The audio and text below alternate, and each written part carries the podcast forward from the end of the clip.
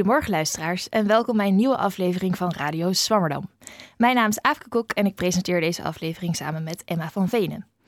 Sta jij ook wel eens je te ergeren in de file? Het wil maar niet doorrijden. Hoe ga je ooit op tijd komen met al die auto's op de weg? Nou heb ik zelf geen rijbewijs, maar van in de file staan word ik toch echt niet zo gelukkig. En dan heb ik nog een tweede vraag voor je. Ben jij wel eens op een feestje bij dat ene leuke groepje gaan staan, in de hoop zelf meer contact met mensen te kunnen maken? Ik vermoed dat iedereen deze scenario's wel eens heeft meegemaakt. Maar wist je dat ze elders in de biologie ook voorkomen? Dat is waar we het vandaag over gaan hebben: parallellen in de biologie. Want binnenin je cellen vinden er ook files plaats. En onaantrekkelijke vrouwtjesmotten maken gebruik van aantrekkelijke vrouwtjesmotten om aan een mannetje te komen. De gast zijn daarom vandaag Erwin Peterman, professor natuurkunde van levende systemen aan de VU. En universitair docent en onderzoeker aan het Institute for Biodiversity and Ecosystem Dynamics aan de UvA en North Carolina State University, Michiel van Wijk. Welkom beiden. Uh, om maar meteen uh, een voor de hand liggende vraag te stellen. Erwin, sta je zelf vaak in de file? Nou, ik heb ook geen auto. Of ik heb wel een rijbewijs, maar geen auto. Maar ja, tegenwoordig in Amsterdam sta je natuurlijk op de fiets ook uh, regelmatig in de file. Dus wat dat betreft toch ja. vaak genoeg, ja. ja, daar heb ik inderdaad zelf ook vaak last van, helaas. Michiel, Um, maak jij bij het uh, doen van je onderzoek vaak de parallel naar mensen of ben je daar helemaal niet mee bezig? Uh, nou, soms, soms is het leuk, en, uh, maar het gaat ook soms helemaal niet op. In dit geval weet ik niet of, of ons onderzoek een hele goede strategie zou zijn, maar je zou het kunnen proberen. Ja, nou, ik ben benieuwd wat we er verder Het zou wel een leuke follow-up zijn. ja, zeker. Emma, je bent mijn co-host, co-host vandaag. Uh, kon je herkennen in uh, de situaties die ik net schetste in de intro? Of, en had je daar wel eens bij aan biologie gedacht?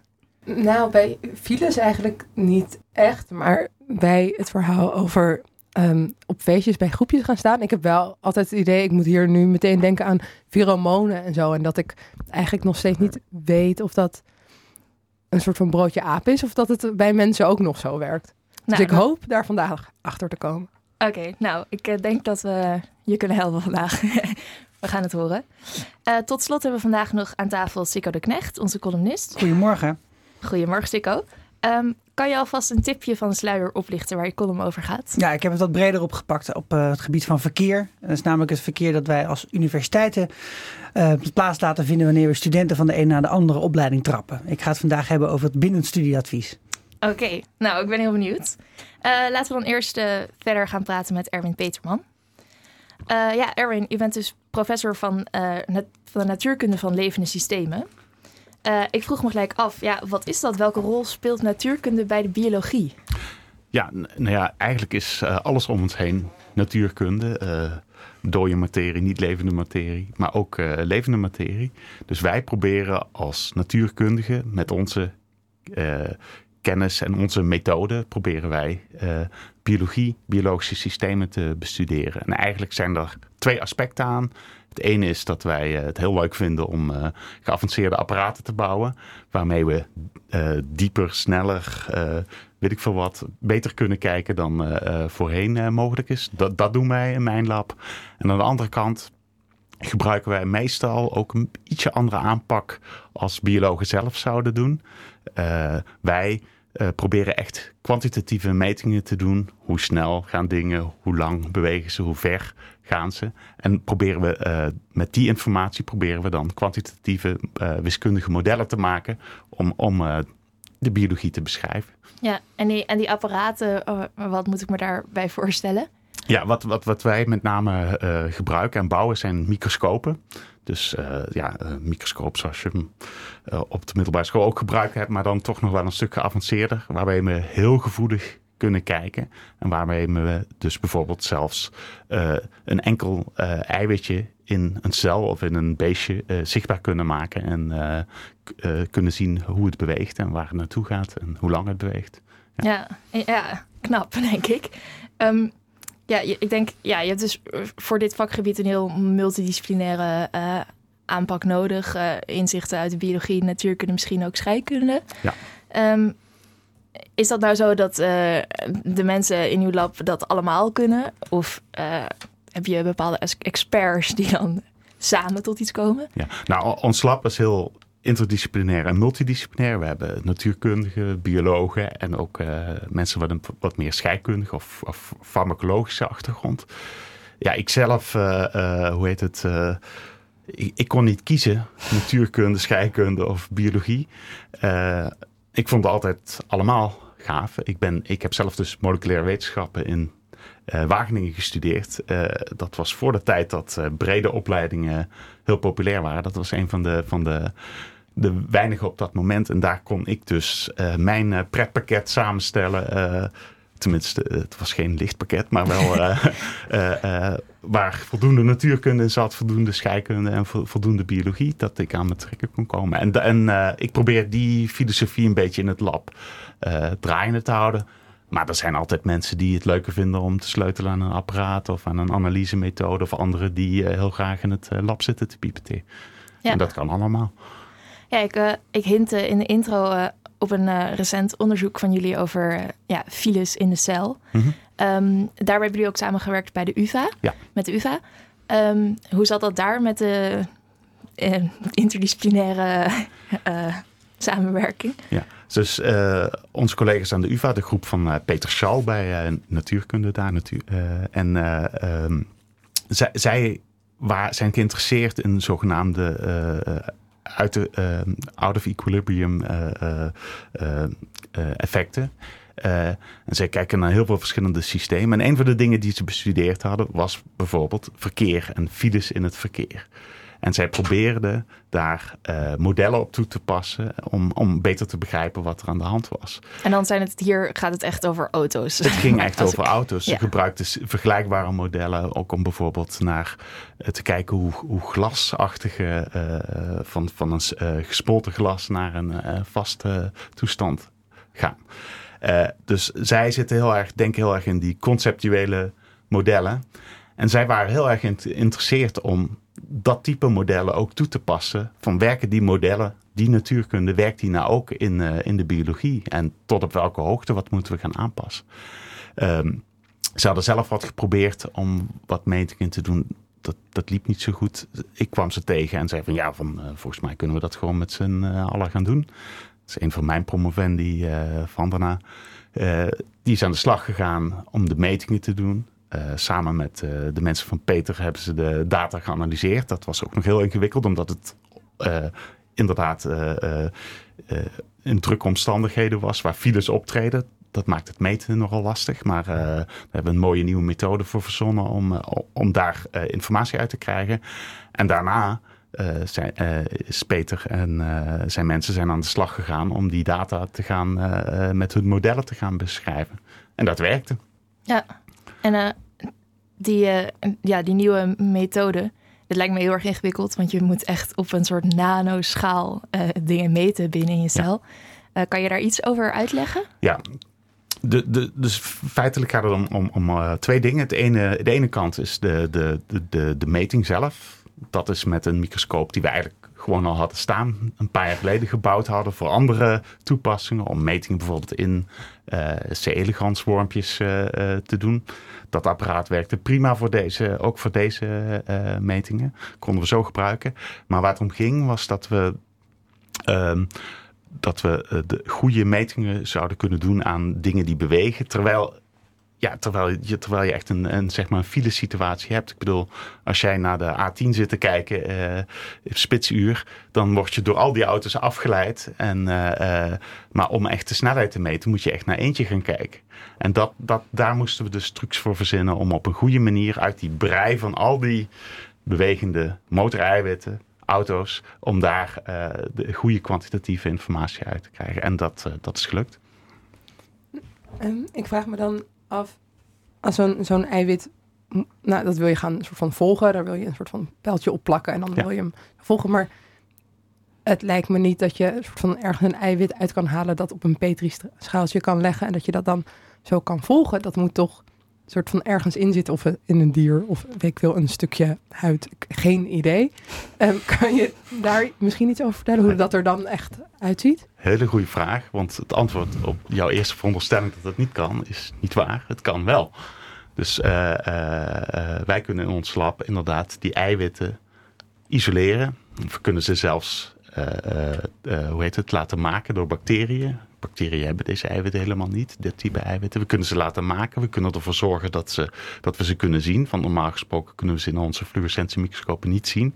Dus we moeten daar iets aan veranderen. Ehm, en, en dan kunnen we die eiwitten isoleren. Uh, we hebben niet alleen de motoreiwitten nodig, we hebben ook de weg nodig. Dat zijn zogenaamde microtubuli, buisvormige lange eiwitten die door al onze cellen heen gaan. En we hebben natuurlijk brandstof nodig, net als een auto benzine of diesel nodig heeft, of elektriciteit. geven we brandstof, chemische brandstof, ATP. en, en dan kun je het gewoon onder je microscoop zien bewegen heel gaaf. Ik bedoel, elke, telkens als ik het weer zie, word ik er weer helemaal enthousiast van. Uh, ja. ja, echt mooi. Um, ja, je had het al even over die uh, motoreiwitten en hoe die dan over een weg uh, bewegen. Nou, onderzoekers van de Universiteit van Utrecht uh, maakten een filmpje over motoreiwit John. Ja. om uit te leggen wat die eiwitten doen. laten we even kort luisteren naar een fragment daarvan. Meet John. John is a kinesin, a motor protein. He lives inside a nerve cell and he has a proper job. To ensure that a brain cell does his job properly, it needs the continuous flow of building materials, proteins. They travel through the cell using the cytoskeleton. If you would compare a nerve cell with a city, the cytoskeleton inside the cell would be the roads, and the travelling proteins would be the traffic. These materials are towed by motors along the roads. And just as in real life, there are different kinds of motors and different kinds of roads. John's sole purpose in life is to deliver his cargo to a specific place in the axle. He takes the main roads and he walks in just one direction only. John's job may seem easy, but it's not. He has to overcome a number of obstacles to ensure that the right amount of cargo arrives at the right place. Ja, dat was uh, denk ik een leuke introductie van uh, motor-eiwitten. Um, Ja, Erwin, klopt het een beetje? Ja, dit, dit, ik bedoel, dit, dit filmpje, ik ken, ik ken het. Het is uh, van een paar mensen waar ik heel veel mee samenwerk. En een van de mensen, Lucas Kapitein, die, dat, dat was mijn eerste promovendus. Dus ah, die heb ik uh, alles over kinesine geleerd. Maar hij gaat met grote snelheid ook hele, hele gave snijgen dingen is die, bezig. Dus ja. Ja, ik vroeg me nog af. Um, ja, jullie hebben dus zo'n techniek ontwikkeld om dan die motoreiwitten te volgen. Hoe lang duurt het nou om zoiets te maken? Ja, dat is een goede vraag. Uh, feitelijk zijn we daar. Ik, ik ben begonnen tijdens mijn uh, postdoc in de Verenigde Staten. Wat was dat? 1998 zijn we, zijn we daarmee begonnen met die metingen te doen. En toen konden we het een beetje doen. Maar we hebben steeds stapje voor stapje voor stapje hebben we de technieken verbeterd. Ik denk dat de apparatuur waar we nou mee werken, die hebben we een jaar of zeven, acht geleden gebouwd. En dat was wel een, uh, ja, in zo'n apparaat bouwen, daar ben je wel een halfjaartje of zo mee bezig. Maar het is vooral het zoeken van de perfecte onderdeeltjes. Dit wil ik hebben, die camera, die lichtbron, die laser en die microscoop. En om dat bij elkaar te voegen. Ja. Maar ja, ik vind, dat, ik vind het hartstikke gaaf. Het is voor mij ook als we spelen met de Lego, als toen ik een klein jongetje was. Ja, ja er zo'n nieuw apparaat in elkaar zetten. Ja. Um, ja, en wat waren nou eigenlijk jullie belangrijkste bevindingen bij dit onderzoek? Ja, um, er waren een aantal aspecten aan. Wat ik, wat ik vertelde, onze collega's van de UvA, die waren heel erg geïnteresseerd van, zijn deze natuurkundige modellen, zijn die nou toepasbaar op, uh, op uh, biologische systemen. Mensen gebruikten die modellen al een hele tijd, maar het was nog niet helemaal duidelijk. Uh, niemand had echt helemaal kwantitatief uitgezocht of het ook echt werkte voor, uh, op de nanoschaal. Dus dat hebben we eigenlijk aangetoond dat dat zo is. Een ander aspect wat we gevonden hebben is dat ja, onze cel bevat heel veel verschillende van die motoreiwitten. En het lijkt er dus op, we hebben naar twee verschillende gekeken. Eentje die normaal gesproken wat meer op zichzelf werkt. En een andere die echt in, in teams van 20, 30, 40 van die motoreiwitten werkt. en we hadden al een beetje het vermoeden van dat, dat die dus op een verschillende manier zeg maar, in files uh, zouden kunnen werken. En dat konden we dus heel mooi uh, laten zien. En echt inderdaad bevestigen dat dat het geval was. Dus sommige van die motoreiwitten die zijn heel erg goed om in een eentje zeg maar als een uh, Ferrari die in de nacht uh, 250 over de snelweg scheurt te kunnen rijden. Terwijl andere er veel beter zijn om in groepjes zeg maar samen relaxed in de file te gaan rijden. En gewoon door te gaan en niet te moeten worden. Dus dat hebben we eigenlijk gevonden, ja. En hebben die Ferrari-eiwitten dan meer last ook van zo'n file? Ja, dus uh, uh, uh, het rare is wat we gevonden hebben, is dat die, zeg maar, die, die eiwitten, dat die elkaar op hele grote afstand eigenlijk al voelen. eigenlijk op een langere afstand dan dat ze zelf zijn. Dus we hebben eigenlijk een beetje het gevoel dat ze, dat ze die microtubuli een beetje vervormen. Dus dat ze de weg eigenlijk een beetje vervormen. En dat ze elkaar daardoor voelen. Maar dat is uh, voer voor uh, vervolgonderzoek. dat, dat weten we nog niet zeker. Ah, want hoe zou je dat dan verder willen onderzoeken? Ja, een van de dingen waar we aan zitten te denken is... Wij, in mijn groep doen we ook nog een hele hoop ander onderzoek... waar we zogenaamde optische pincetten gebruiken. Dus ook in een microscoop waar we eiwitten of DNA vast kunnen pakken. Echt fysiek vast kunnen pakken en er kracht op uit kunnen oefenen. En wat we dus willen proberen is om zo'n stuk weg vast te pakken en te buigen en te kijken of dat uh, de, de, de snelheid van de motoren of uh, andere aspecten van die motoren beïnvloedt. Dus daar, daar zitten we aan te denken. Ja, ja en vertelde mij in een voorgesprek dat, um, behalve dat die eiwitten dan langzamer gaan, net als auto's, dat die eiwitten ook van de weg af kunnen vallen. Ja. dus eigenlijk is, het, eigenlijk is de analogie auto of fiets ook vaak maak. En die motoreiwit is niet helemaal correct. Het is een beetje beter om de vergelijking uh, te maken met, uh, ja, zoals je op de lagere school of de middelbare school uh, apenkooi deed. Weet je wel, dat je zo'n zo'n ladder horizontaal hebt, had waar je aan, aan, aan hing. En dat je dan van sport naar sport ging. Als je natuurlijk niet met op zijn minst één hand vastgeklemd aan zo'n sport zit, dan, dan lig je op je snuffert, lig je op, je, op de grond. Uh, en dat is eigenlijk precies hetzelfde wat er met die motor, aan de hand is. Bij een auto natuurlijk niet. Die, die blijft gewoon op de weg staan als de, uh, zelfs als een band uh, lek gaat. Maar die motoreiwitten, als, als die niet vastzitten, dan verdwijnen ze van de weg. En dat is wat we, dat we, wat we ook gezien hebben met onze methode. Is dat als je een filesituatie hebt, dan, dan creëer je dus meer van dat soort gebeurtenissen dat ze van de, van de weg afvallen. Ja. Maar wat, wat betekent, zijn ze dan weg? Als in, zeg maar, zijn ze kwijt? Dood. Of zo, dood? Worden ze dan, zeg maar, kan je ze niet meer gebruiken in je cellen? Zijn ze dan gewoon voetzie en dan... Nee. Nou, of ehm, komen ze later soort van weer terug? Ze, kunnen, ze zouden weer terug kunnen komen. Wat er feitelijk gebeurt is dat ze uh, of vastgebonden zitten... of zichzelf vasthouden aan de weg... of dat ze in drie dimensies uh, rondzweven uh, door de cel. In onze, in onze experiment betekent het feitelijk dat, dat ze loslaten, dat, ze, ehm, eh, dat ze weg zijn, dat ze niet meer terugkomen. Maar in de cel kunnen ze gewoon weer terugkomen. Ja. Ik zat me voor te stellen, um, want ja, wij hebben natuurlijk gewoon één weg. Maar in je cel zit dat misschien uh, onder en boven elkaar. Zouden ze dan ook op een nieuwe weg kunnen vallen? Of is dat... Uh... Ja, precies. Dat, dat zou kunnen gebeuren. En uh, hoogstwaarschijnlijk is het dus ook zo dat in die situatie die ik schetste uh, van het, uh, het, het wat, wat heel goed in, uh, in een file loopt, daar, daar, daar, doen we ook onderzoek in vivo in, in cellen, in levende organismen naar. daar lijkt het op dat een stuk of 20, 30, 40 van die motoreiwitten samen één groot, grote lading transporteren. En dan kunnen ze dus ook, eentje kan even uitrusten wordt gewoon meegesleurd met de andere. Uh, en kan dan weer opnieuw uh, in stelling gebracht worden en aan, aan het werk gaan. Dus, zo, zo werkt het in de natuur ook. Ja. Hoe, hoe weet zo'n apenkooi motoreiwitje dan waar die heen moet? Ja, dat is een hele goede vraag. Heeft hij een tomtom of hoe zit dat? dat? Dat is waar, waar Lucas Kapitein, waar ik het net over had, heel mhm. veel, heel gaaf onderzoek aan gedaan heeft. Maar een van de belangrijkste dingen is dat in de, uh, de, de, de, de weg heeft een, een richting, een eenduidige richting. Dus die buisjes waar ik het over heb, die, die die hebben een richting. De motoreiwit kan echt alleen maar in één richting eh, over die eh, eh, buisjes lopen.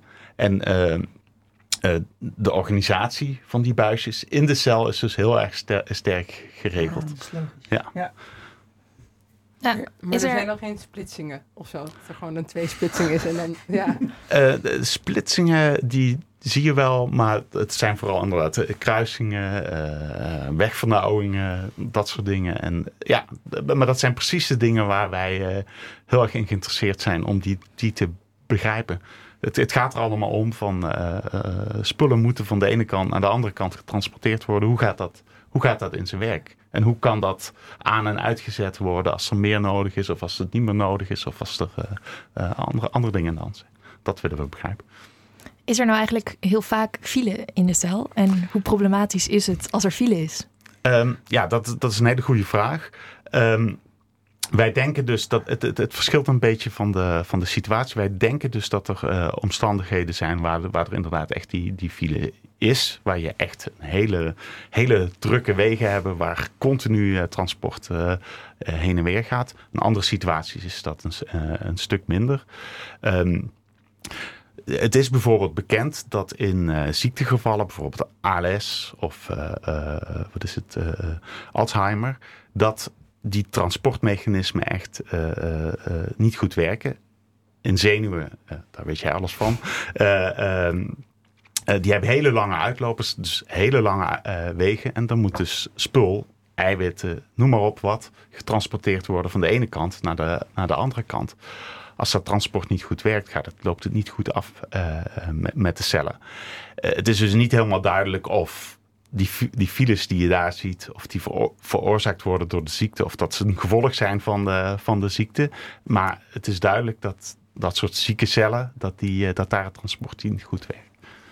Dus als je, je bijvoorbeeld zou kunnen vinden hoe je dan minder vaak files kan hebben, dan zou je mogelijk bij kunnen dragen aan het verhelpen of beter maken van deze ziektes. M- misschien, Maar, dat, maar dat is dus de vraag van is het, een gevolg, is het een gevolg van iets anders dat er mis is? Of is het, eh, is het echt de oorzaak van, eh, van wat er is? En waarschijnlijk is, is het een beetje van beide. Dus eh, we gaan het zien. Is dat dan ook een, een motivatie voor dit onderzoek? Of, of eh, werk je zelf meer vanuit eh, gewoon de fundamentele wetenschap? Nou, eh, ik bedoel, het is altijd een, eh, een super goede motivatie om, eh, eh, om een ziekte, eh, verschrikkelijke ziekte als, als ALS, daaraan mee te kunnen werken. Maar mijn echte drijfveer is niet, niet zozeer dat, het is echt het begrijpen van hoe dit soort processen in de cel werken. En ja, dat vind ik heel gaaf om te, te weten. Ja, het klinkt super ingewikkeld en heel erg interessant, zou ik zelf zeggen. Ehm, ja, u won ook nog onlangs samen met Gijs Buiten de NWO Natuurkunde Valorisatieprijs van 2017. Mhm. Eh, ja, heeft dat eh, nog iets met dit onderzoek te maken? Eh, indirect wel. Een van de dingen die ik zei van eh, wat onze grote hobby, nou ja, het is werk, maar we blijven er heel veel plezier mee hebben, is het ontwikkelen van nieuwe apparaten die sneller, beter, gevoeliger, et cetera zijn.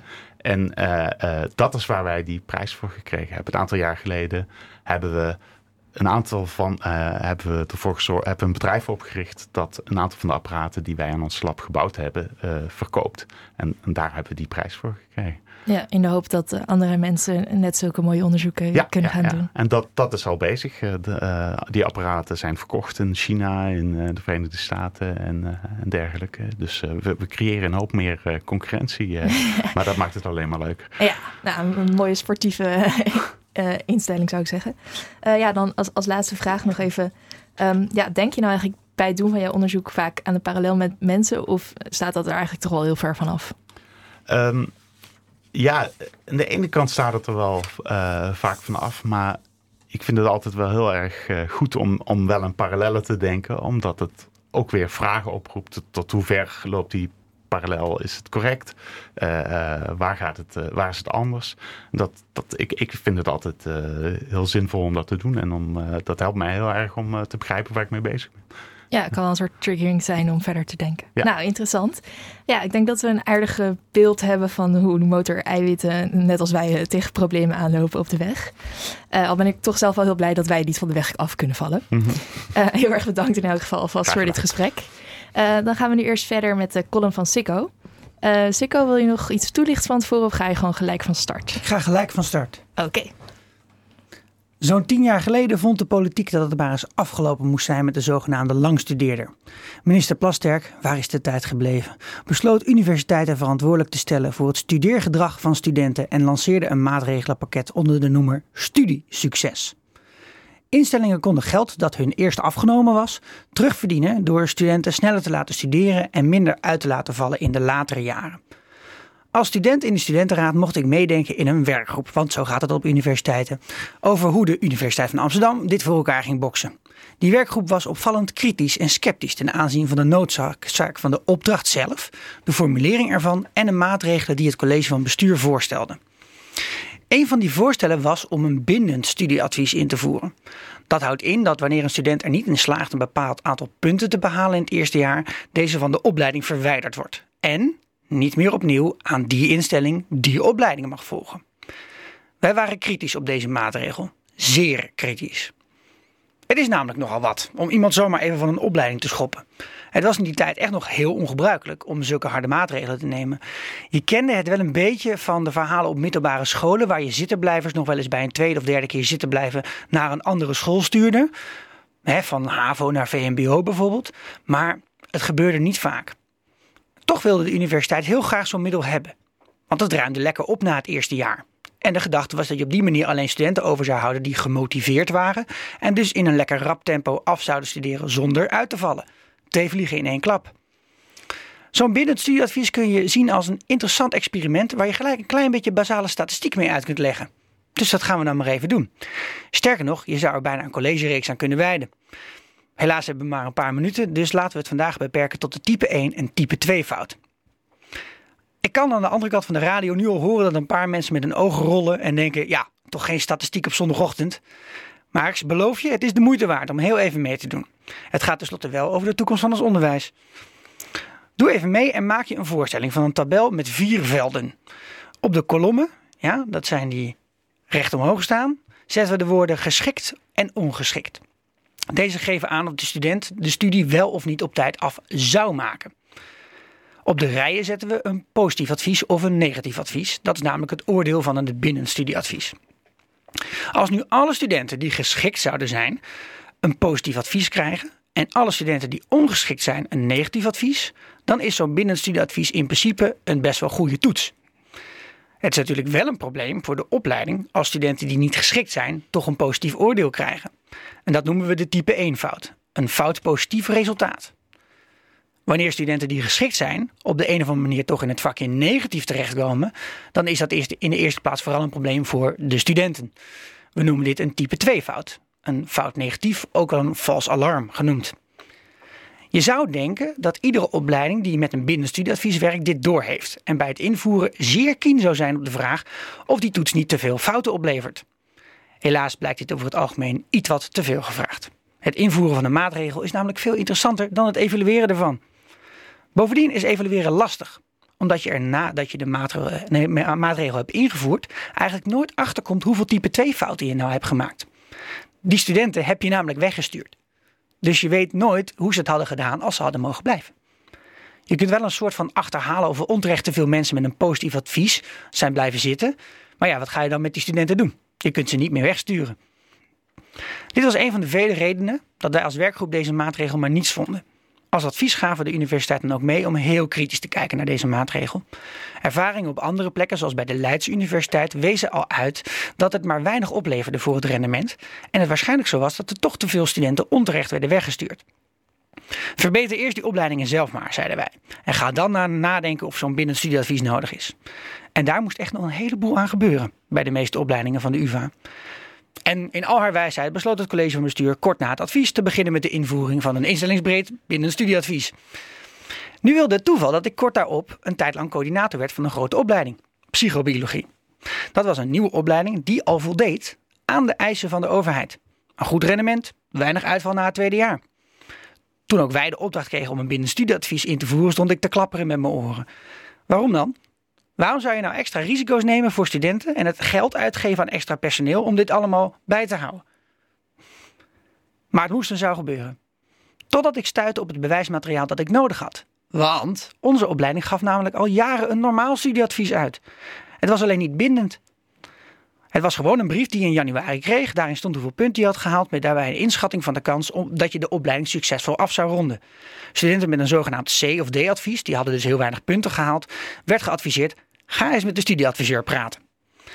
Ik kon in de cijfers van de afgelopen jaren met het blote oog al zien dat de studenten die op schema lagen, dus een A of een B-advies, inderdaad vaak de opleiding afmaakten, maar ook niet altijd. De type 1 fout. De studenten met een D-advies gingen uit zichzelf al weg. En die paar studenten die bleven zitten, maakten de opleiding ook gewoon netjes af. Een type 2 fout. Er was dus eigenlijk niet echt een goede reden om het advies binnen te maken. Het is me gelukt om het binnenstudieadvies nog drie jaar uit te stellen. Inmiddels is het ingevoerd en hebben bijna alle opleidingen in Nederland een binnenstudieadvies van 30 tot 60 EC, oftewel alle punten van het jaar gehaald. Langstudeerders, voor zover ze er ooit echt waren, die zie je niet veel meer. Maar langzaam maar zeker druppelt het onderzoek binnen naar deze maatregel met als algemene strekking. Het helpt misschien wel iets, maar het levert ook heel veel nieuwe problemen op. Ja, bedankt voor je column, Sikko. ja, ik uh, heb zelf psychobiologie gedaan. Nou, kijk. maar bij mij was het inderdaad nog gewoon een advies wat je kreeg, waar je verder uh, ja, zelf mee mocht denken wat je ermee deed. En wat voor advies had je? Uh, ik had A. Kijk, kijk, kijk. en ik heb inderdaad ook netjes binnen de tijd uh, de bachelor afgerond. Um, ja, Erwin en Michiel, jullie lopen beide rond op de universiteit. Uh, ja, hebben jullie hier nog commentaar op? Nou, ik ben het wel redelijk eens met dat. Tenminste, ik ben ook niet een groot voorstander van het binnenstudieadvies. Ja. Ik weet ook niet of het, of het veel oplost. maar ja, ik, ik, bedoel, ik was zelf aan de VU betrokken bij, uh, bij de opleiding waar ik toen opleidingsdirecteur was bij de invoering. Nou ja, de beslissingen waren allemaal genomen. Dus het was, oh, dat is wel leuk toch? Ja. Uh, maar uh, bij ons was het toen heel erg gebonden aan een, aan een reeks andere verbeteringen. Ook vanuit de opleiding om het rendement te verbeteren. En de opleiding waar wij het toen over hebben, daar is het rendement echt enorm verbeterd. En ik, je kan, ik kan niet uitleggen of dat lag aan het, uh, nee, aan het studentadvies ja. of aan de verbeteringen. Ik hoop dat Ja. wij erbij gedragen. Ja, we leven nu wel in een leuke tijd. Ik ben, dan, ik ben tegenwoordig journalist, dus ik schrijf veel over hoger onderwijs. En dus nu druppelen al die onderzoekjes binnen met alle maatregelen die, die destijds zijn ingevoerd, hè, of die eigenlijk werken. Dus mensen moesten een basiskwalificatie onderwijs halen. Nou, wordt het dan ook een beter vak? Of wordt het een betere docent? Mensen, er kwam een binnenstudieadvies. Er moest eh, eh, strenger worden toegezien op uitval. Er allerlei regeltjes zijn er toen ingevoerd. En natuurlijk, zoals vaak, allemaal tegelijk. Dus het is bijna onmogelijk om achteraf uit te fozen welke van die regels en maatregeltjes nou hebben gewerkt om een bepaald effect te bereiken. Dus het meest waarschijnlijk is dat we er ook nog lang niet van af zijn van het binnenstudieadvies. Maar het laatste onderzoek was een eh, Nederlands onderzoek. Dat heeft alle opleidingen in Nederland met elkaar vergeleken. En dat daar kwam uit, was in Maastricht hebben ze dat gedaan. Dat als je dan alle studenten die eruit vallen na het eerste jaar, dan weglaat uit je analyse, want die kun je ook niet meer meerekenen voor het rendement, dat je dan iets van 6 tot 7 procent meer eh, studenten hebt die binnen vier jaar hun opleiding afronden. Maar als je dat dan op het hele, zo psychobiologie als voorbeeld, daar hadden 350 eerstejaars, daar vielen er iets van 40% viel daarvan uit na het eerste jaar, omdat ze gewoon een andere opleiding gingen doen, vaak. En dan daarvan, van die 60%, dus dat zijn er rond de 200, stel voor dat er dan 5 of zo, nou iets meer, misschien 20 hooguit, meer zijn die dan die opleiding afmaken in vier jaar. Is een hoop werk hoor. Om dat allemaal te gaan lopen regelen voor die paar studenten extra. Terwijl je ze ook gewoon een studieadviseur had aan kunnen nemen of iets anders had kunnen doen. Ja, en het is natuurlijk misschien ook de vraag of je die energie die je daarin steekt niet beter in iets anders had kunnen steken. Nee, en het creëert ook een situatie waarin uh, studenten dus eigenlijk vanaf het allereerste begin de hele tijd maar meekrijgen. Je moet snel studeren, dat is vooral het allerbelangrijkste. En als ik dan kijk naar mijn oude studievereniging bijvoorbeeld, die hebben de grootst mogelijke moeite om studenten voor het bestuur te vinden. Maar ja, iedereen die zegt ja, dat uh, komt in het tweede of derde jaar wel. En dan komen er weer nieuwe regels over hoe snel je dan in het tweede of derde jaar moet studeren. Dus ja. ik weet niet of we er nou heel veel mee gewonnen hebben. En die langstudeerders, ik weet niet hoeveel er eigenlijk waren. Het was vooral een onderbuikgevoel volgens mij. Hm. Nou, interessante gedachte. ik denk uh, dat we hem even in ons achterhoofd uh, houden. nou, dan gaan we nu weer verder met Michiel van Wijk. over zijn eh, onderzoek naar onaantrekkelijke vrouwtjesmotten. Eh, ja, motten die versieren elkaar eh, met sekspheromonen, een soort geurstoffen. En hoewel je misschien denkt dat mensen elkaar op een andere manier aantrekken, wordt er door sommigen wel beweerd dat sekspheromonen ook bij mensen een rol spelen. Een korte zoektocht op Google levert zelfs een hoop pheromoonparfums op. Die mensen dan aantrekkelijker zouden moeten maken. Nou, de vraag of dat werkt is uh, nou, discutabel. Uh, en de vraag of uh, menselijke sekspheromonen überhaupt bestaan lijkt ook nog niet helemaal beantwoord. Uh, dus laten we eerst even kort luisteren naar een fragment van de Science Show hierover. Can pheromones score you a date? Well, no, probably not. But to be honest, we're not 100% sure. Turns out the idea of human pheromones is a very tricky business. It's likely that we do have pheromones just because we're related to so many other mammals that do. But remember, no one has specifically identified a human pheromone molecule. There are a few well known studies that seem to suggest that we have them, like a famous 1994 t shirt sniffing experiment that suggested women prefer the scent of men with different immune system genetics than their own. There have also been lab trials involving androstenone, that male pig pheromone that we just talked about makes the lady pigs go wild, and also happens to be found in human sweat. But these kinds of studies have had lots of problems. They often involve small sample sizes, poor experimental design, or just results that can't be replicated. In fact, some researchers think that the field of human pheromone work has become so controversial, even sensational, that we should scrap all the past studies and basically start over from scratch. Nou, dat uh, over menselijke uh, sekspheromonen. Uh, ja, nou Michiel, bij mensen is dus nog maar de vraag. Maar motten versieren elkaar in elk geval wel echt met sekspheromonen. Um, ja. Hoe werkt dat bij hen? Um, nou, bij mensen, misschien nog even terugkomen op het filmpje. Um, uh, is het misschien de vraag dat aldosteron, dat is, dat is waarschijnlijk geen sekspheromoon. Want uh, wij doen bijvoorbeeld altijd een practicum waarin we ook bij studenten de sequentie van, van de receptor voor die stof in kaart brengen. En daar zit heel veel genetische variatie in. Dat zou je niet verwachten als er hele sterke selectiedruk op zo'n eiwit is. Dus, dus uh, dat die stof iets bij mensen zou doen, zou mij verbazen. Uh, maar wat wel belangrijk is, wat het t-shirt-experiment liet zien, dat is um, dat, uh, en dat is iets wat je in veel zoogdieren ziet. Um, een van de belangrijkste redenen dat wij seks hebben, dat is nog niet zo makkelijk te beantwoorden, maar die is dat het ons in staat stelt om iedere keer de genetische samenstelling van individuen te veranderen. En dat is belangrijk omdat we dan um, eigenlijk uh, het voorkomen dat parasieten zich snel aan ons aanpassen. En, um, en je, het is daarbij belangrijk dat je een partner kiest die een, ander, een wat ander immuunsysteem heeft dan jij hebt. En het idee van dat t-shirt experiment was dat in het zweet dat er afbraakproducten zitten uit cellen. En die worden gepresenteerd op de buitenkant van cellen door, door delen van het immuunsysteem. En die delen van het immuunsysteem die verschillen tussen mensen. En je zou dus kunnen ruiken of iemand een immuunsysteem heeft wat dicht bij je staat of ver van je afstaat. En dat zou je in staat moeten stellen om in te schatten. Of um, iemand een geschikte partner is om, uh, om kinderen mee te krijgen, zodat het immuunsysteem uh, uh, gevarieerd genoeg is.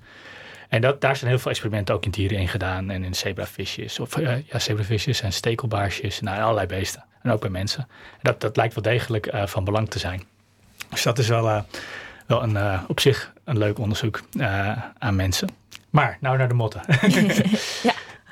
Ik ben je vraag even kwijt. uh, ja, nou, hoe, hoe werkt dat met die, met die sekspheromonen bij motten? Hoe, hoe versieren die elkaar? Hoe, hoe krijgen ze ja. een... Ja, bij die motten is het... Je ziet vaak dat eigenlijk uh, in, bij heel veel dieren dat de, de mannetjes een soort van de, uh, zich heel erg uitsloven om een vrouwtje te versieren. En dat de vrouwtjes kiezen. En bij, bij motten zie je eigenlijk een beetje het omgekeerde. Je ziet dat vrouwtjes een geurstof maken waar mannetjes juist op afkomen.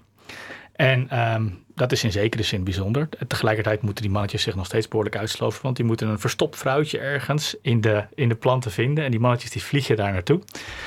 En dan uh, op het moment dat die mannetjes bij dat vrouwtje aankomen, dan uh, presenteren ze zichzelf aan haar. En dan uh, wordt er gepaard of er wordt niet gepaard. Um, en en die, die lokstof die is dus heel belangrijk. En er bestaan heel veel soorten motten. En al die soorten motten die maken verschillende mengsels sekspheromonen. en die, elke soort heeft zijn eigen mengsel. Maar in al die mengsels zitten heel veel gemeenschappelijke stoffen. Dus die mengsels lijken enigszins op elkaar. En het is voor de dieren heel belangrijk om met hun eigen soort te paren. Want het zijn planteters en ze zijn heel erg aangepast aan het eten van bepaalde waardplanten. En alle planten zijn in principe giftig, ook voor planteneters. Dus die rupsjes die die, plant gaan eten, die moeten um, goede eiwitten hebben om die gifstoffen af te breken. En als nou die motten foutjes maken, als ze met de verkeerde soort paren, dan kunnen ze best wel eens paren. En dan zou het vrouwtje best wel eens eitjes kunnen gaan leggen. Maar die legt eitjes dan op een plant waar waarschijnlijk die hybride eh, rupsjes, die van dus twee soorten komen, eh, niet over de capaciteit beschikken om die gifstoffen af te breken. En die gaan dan allemaal dood. Dus dat soorts herkennen, dat is heel belangrijk.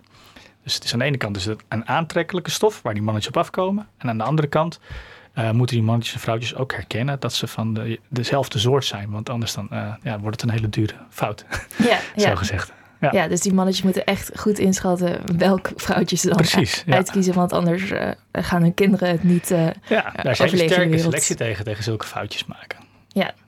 en, ehm, en die vrouwtjes, hebben die nog eh, iets eh, te bepalen? Of, eh, Ja, ja, dat is ook inderdaad goed dat je dat vraagt. Da- Daar is veel minder onderzoek naar gedaan. Maar als zo'n mannetje aankomt bij een vrouwtje, dan, ik zei net, dan presenteer- presenteert hij zichzelf. Maar wat hij dan doet, er komt uit zijn achterlijf komt een soort, ja, het ziet er een beetje uit als een kwastje. Maar het zijn allemaal haartjes waar ook een sekspheromoon op zit. En dat neemt zij dan waar. En dan, ja, die hele interactie die dan plaatsvindt tussen die twee, die is heel ingewikkeld te observeren. Want het gebeurt in de nacht en je krijgt een soort beetje gefriemel van twee motjes. En dan wordt er of gepaard of niet gepaard. En eh, wij denken dat dat vrouwtje ook echt kiest of ze met dat mannetje wil paren of niet. Maar, en daar zijn we onderzoek naar aan het doen, maar dat is, eh, daar zijn we nog mee bezig. Dat is best lastig. Maar wat, ehm, wat we wel al weten van ander onderzoek is dat, eh, dat het wel heel erg helpt dat, dat die vrouwtjes in ieder geval waarschijnlijk ook in die mannetjes herkennen dat ze de goede soort zijn. Ja. En ehm, is er nou nog een, speciale reden dat jullie nou naar motten eh, zijn gaan kijken? Eh, nou, het was eigenlijk een systeem waar wij al langer onderzoek naar doen. En dit systeem in het bijzonder, eh, de motto waar wij aan werken, dat is een, een plaag in allerlei gewassen in eh, Noord- en Zuid-Amerika. En daarom is er heel veel data over. En er wordt veel onderzoek gedaan naar die pheromonale communicatie van dat soort plaagdieren, omdat je dat kunt gebruiken in zowel de monitoring van plagen als de bestrijding. Want de monitoren kun je valletjes ophangen met zo'n sekspheromoon. En als je mannetjes daarin begint te vangen, dan weet je, oh jee, ik heb een plaag. Dan kun je besluiten of je er wat aan moet doen. En je kunt het ook in de bestrijding gebruiken door eh, heel veel ehm, ehm, soort eh, eh, dispensers, of hoe moet ik dat zeggen, eh, geur, geur ehm, bronnetjes te maken met dat sekspheromoon erin. En dat zorgt ervoor dat die mannetjes als het ware verward worden. Die zoeken s'nachts naar die vrouwtjes, maar overal hangen die, die veel sterker ruikende eh, geurdispensers. En dan vinden ze die vrouwtjes niet. En daardoor eh, paren ze niet. En daardoor eh, blijft de plaagdruk heel laag. Dus op die manier wordt het ook gebruikt. En zo weten we van dat communicatiesysteem vrij veel. En daarom ook vooral van het vrouwelijke sekspheromoon en hoe die mannetjes daar naartoe gaan. Want dat is dus in de, in de bestrijding kan dat belangrijk zijn. Ja, dat is eigenlijk een heel praktische toepassing. Maar Ja. daardoor ook wel, weten jullie er gewoon veel over. Precies, ja. leuk om nog extra onderzoek Ja. naar te doen. Ehm, ja, jullie keken dus naar onaantrekkelijke vrouwtjes, motten die dan een soort van vals spelen eigenlijk. Ehm, ja, wat was de reden dat jullie aan dit onderzoek begonnen? Ja, ehm, eigenlijk eh, in, de, in de biologie is, is niet zo duidelijk hoe het nou mogelijk is. Want er zijn heel veel soorten motten. En die hebben allemaal hun eigen sekspheromoon. Maar we weten dat die mannetjes heel goed moeten kiezen met welk vrouwtje ze paren. Het moet ieder geval hun eigen soort zijn. En dat zorgt ervoor dat als, als dat pheromoonmengsel wat gaat afwijken... dat die mannetjes eigenlijk niet meer naar dat vrouwtje toe vliegen. Als je nou zo'n zo'n systeem hebt, dan krijg je eigenlijk wat we noemen stabiliserende selectiedruk. Dat sekspheromoon van die vrouwtjes, dat heeft een bepaald het gemiddelde ideale mengsel. En al die vrouwtjes die afwijken, die paren eigenlijk niet. En dat zorgt ervoor dat alle genetische variatie die aanwezig is in zo'n populatie verdwijnt. En dat, die genetische variatie, dat is de basis voor evolutie. Daar werkt selectie op in om ehm, ehm, eh, te veranderen. En eh, ja, we zien dus aan de ene kant die stabiliserende selectie. Aan de andere kant zien we een enorme waaier van soorten. En dat, dat gaat op de een of andere manier niet goed samen. Wij kunnen dat niet zo goed verklaren hoe dat nou kan. Waar komt die variatie dan vandaan? En ehm, dat was dus een vraag die al, al gewoon langer leefde. En toen vonden we een andere publicatie waarin iemand eh, eh, eh, met twee heel nauw verwante soorten motten ook een experiment had gedaan. Waarbij ze ehm, eh, soort A, laten we zeggen, hebben ze mannetjes die vliegen naar een vrouwtje toe. En dan halve, halverwege, als hij onderweg was, dan wisselden ze de geurbron heel vlug voor de geurbron van soort B. En ehm, ze keken, ja, waarom ze dat deden, weet ik niet, maar ze keken dan wat er gebeurde. En wat je dan zag, was dat als die mannetjes, eh, als ze dat deden voordat die mannetjes gingen vliegen, dan deden ze, gingen ze niet naar die soort B toe. Daar waren ze helemaal niet toe aangetrokken. Als ze al onderweg waren, dan waren ze wel aangetrokken. Dus kennelijk, als ze onderweg zijn, verandert er iets. En vervolgens zijn ze gaan kijken naar de, de, eh, je kunt aan de antenne meten uh, hoe goed ze een signaal waarnemen. En wat ze toen vonden was dat als zo'n dier een hele tijd in zo'n geurpluim zit, dan adapteren receptorcellen. En dat herken je van jezelf ook als, je, uh, als het vies weer is, als het nat is buiten en je stapt in de tram in Amsterdam. En het stikt naar al die natte kleren, dan zit je er even in en na een tijdje ruik je het niet meer zo erg. Dat is adaptatie, precies dat. Nou, dat gebeurt in die mot ook.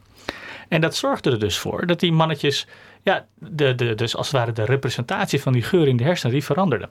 En daardoor konden ze niet meer zo goed kiezen waarschijnlijk. En wij dachten toen we dat hadden gelezen van ja, maar dat betekent dus dat die mannetjes op een bepaald moment heel kritisch zijn nog aan het begin als ze, als ze gaan vliegen. Maar als ze in die geurpluim vliegen, dan verliezen ze misschien dat vermogen. En dat betekent dat er een soort ruimte moet zijn voor een strategie van valspelende vrouwtjes. Als je nou niet zo aantrekkelijk bent, wat je dan moet doen, is natuurlijk gaan zitten in de buurt van iemand die aantrekkelijk is. En dan zou het misschien wel lukken. En wij hadden in het laboratorium al uh, motten geselecteerd uh, om, om te onderzoeken Eigenlijk hadden in het veld al gezien dat er meer variatie was dan we verwachten. Toen hadden we geselecteerd, toen vonden we dat het genetisch was. Maar toen hadden we dus onaantrekkelijke motten gemaakt. Dat hadden we al vastgesteld dat die echt niet aantrekkelijk waren. En uh, toen dachten we, nou, dat moeten we gaan testen. En, ja. Uh, ja. Maar betekent dit dan ook dat de onaantrekkelijke vrouwtjesmotten van, van zichzelf weten dat ze onaantrekkelijk zijn om ja. deze strategie te moeten uitvoeren? Ja, of, als het, ja. ja nee, het is dus een, uh, wat wij hadden gedaan, in het, waar we op hadden geselecteerd in het laboratorium, was echt op dat pheromoonmengsel. En kijken of er een genetische basis was voor variatie daarin. Dat, nou, dat lukte, daar konden we op selecteren. Toen hebben we getest of die dieren dan nog wel aantrekkelijk waren. Die bleken helemaal niet aantrekkelijk te zijn. Waar we niet op hebben geselecteerd, dat is bijvoorbeeld gedrag of ze elkaar opzoeken of dat soort zaken. Dus dat weten we niet zo goed. En dat is iets waar we wel uh, nog onderzoek naar willen doen. En dat is in het veld heel moeilijk. Want ja, in, het zijn kleine bruine motjes die in het donker ergens in de struiken zitten. En je vindt die vrouwtjes bijna niet in het veld. Maar we kunnen in het laboratorium ook wel het een en ander daaraan doen. Um, en um, dus, dus dat weten we niet zo heel goed of ze dat nou echt doen. Maar wat wij vermoeden is dat het zelfs ook spontaan kan gebeuren. Er zijn natuurlijk sommige plekken die zijn heel geschikt om mannetjes te roepen. Bijvoorbeeld een beetje een hoger, uh, hogere plant in een veld. Uh, als je daar geur van verspreidt, dat werkt veel beter dan dat je laag in de struiken gaat zitten. En we hebben wel experimenten gedaan uh, waarbij we uh, gedurende de nacht de posities van vrouwtjes hebben uh, bekeken. Terwijl ze dus die mannetjes aan het roepen zijn. En aan het begin van de nacht zie je dat die verdeling van vrouwtjes in een kooi waar ze dan in zaten. niet afwijkt van een, een random verdeling. Maar op een gegeven moment als ze allemaal aan het roepen zijn. dan uh, wat we zagen was dat de afstand tussen de, de dichtstbij je buurvrouwtjes. die nam enorm af.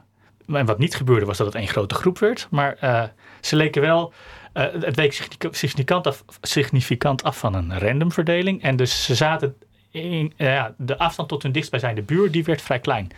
En die kwam echt in de range waarvan we al vast hadden gesteld dat een soort van valspelen werkt. Dus dat, uh, dat zagen we wel. Ja, dus misschien is het helemaal niet eens bewust, maar ze gaan gewoon toevallig ja, al bij elkaar goed, zitten. Ja. En daardoor is natuurlijk dan is er nog steeds wel een verklaring voor ja, toch het dan, bestaan van die variatie. Ja, en als dat, als dat onbewust gebeurt, maar het werkt, dan kun je er wel selectie op krijgen. Dus dat is al een heel mooi mechanisme. En um, uh, ja, wij, wij denken dus dat dat wel op die manier een rol uh, kan spelen.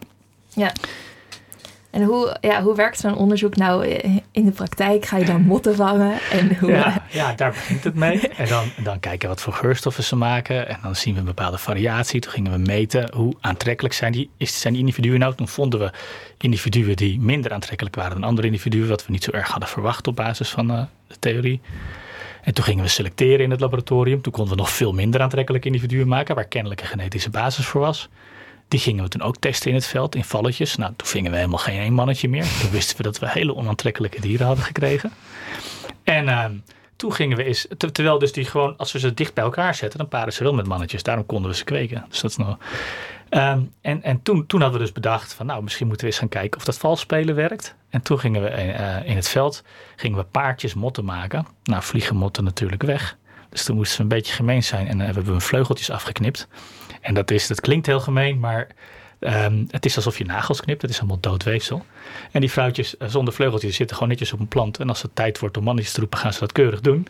Maar dan konden we dus allemaal verschillende paardjes maken. En is dat dan uh, nou, ik kan voorstellen, kijk, als je bij mij mijn armen afknipt, dat is heel anders. Maar dan ben ik ook een stuk onaantrekkelijker. Maar ja. Ehm, geldt dat uh, voor die botten ook? Of ja, heeft dat dus dat, helemaal dat geen... weten we niet precies, maar wij hebben uh, in alle behandelingen de vleugels afgeknipt en, en, vervolgens behandelingen vergeleken. En we hadden dan, de behandelingen bestonden dan uit um, onaantrekkelijke dieren, alleen, paardjes onaantrekkelijke dieren.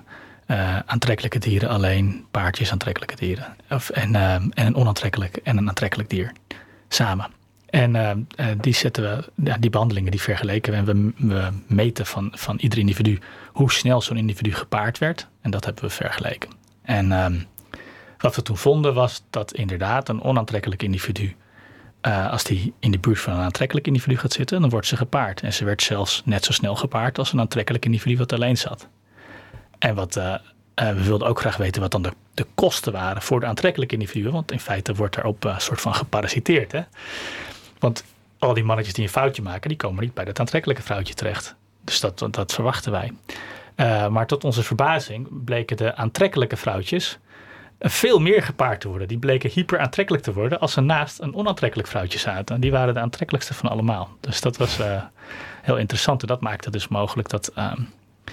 Uh, uh, het is dus in ieder geval ook voordelig voor die aantrekkelijke individu om in de buurt van zo'n onaantrekkelijk individu te gaan zitten. Heb je daar nog een, een hypothese over hoe dat zou kunnen komen?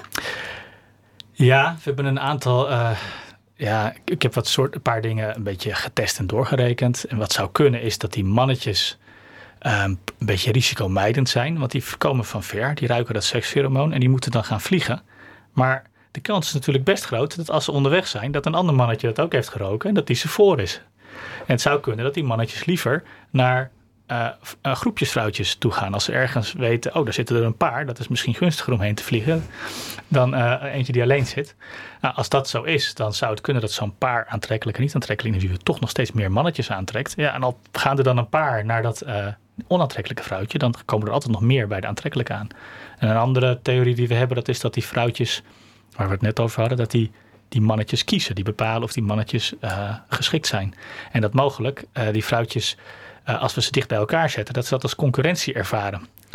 En dat ze als het ware hun standaard wat verlagen. En dat ze eerder geneigd zijn een mannetje te accepteren. Dan zou je ook zo'n soort resultaat kunnen krijgen. En dat, dat weten we nog niet zo goed, omdat we nog niet in staat zijn om die kwaliteit van die mannetjes goed genoeg te variëren om dat echt te onderzoeken.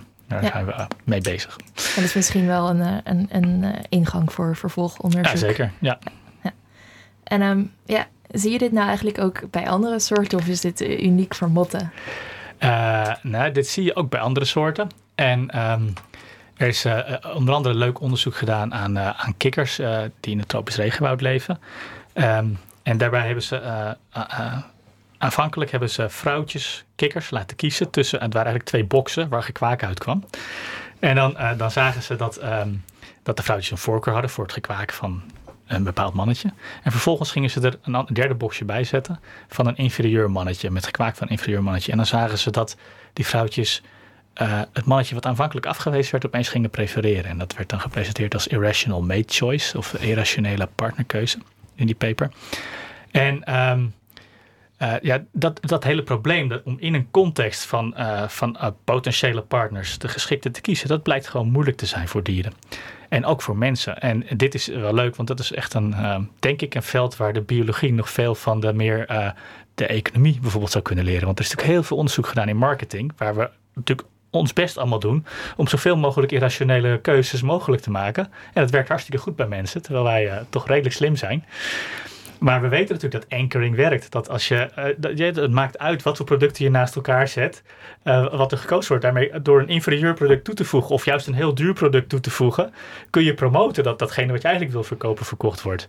Het, en daar kunnen mensen ook niet goed. Tenminste, die mensen nemen split second secondes op zulke momenten, terwijl um, ja, de, de, de rationele keuze, economisch rationele keuzes, die maken ze vaak niet. Dat geldt denk ik ook uh, bij dit soort uh, experimenten. En we zien nu, als je dus die contexten waarin dat soort keuzes gemaakt worden, ook in de natuur, als je die wat ingewikkelder maakt, als je niet meer een binaire keuze maakt, maar maakt het wat ingewikkelder of je verandert, je doet wat aan de spatiële distributie van individuen, dan veranderen allerlei uitkomsten. En dat maakt dat er veel meer mogelijke uitkomsten zijn. En daardoor, in ons geval, um, uh, kunnen er dus ook vrouwtjes die uh, een genetische constitutie hebben, waardoor ze andere sekspheromonen maken, kunnen toch blijven voortbestaan in de populatie. En dat betekent dat er genetische variatie blijft en dat evolutie ook mogelijk blijft. En dat is uh, nou, ook belangrijk. Ja. ja, een mooie link naar zelfs de economie. Ja.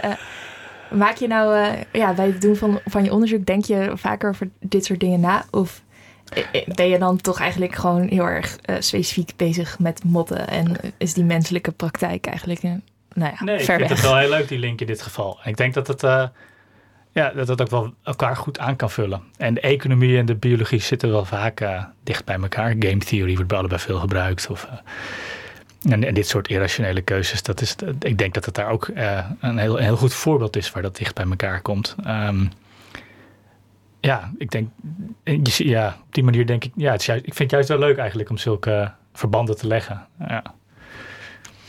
Is, uh, ja, heb je, ga, ga je nu uh, verder weer met motten? Of, uh... Ja, we gaan hier nog even mee verder. Wij willen nu graag begrijpen hoe of vrouwtjes in staat zijn de kwaliteit van mannetjes in te schatten. Daar zijn we nu mee bezig. Nou, interessant.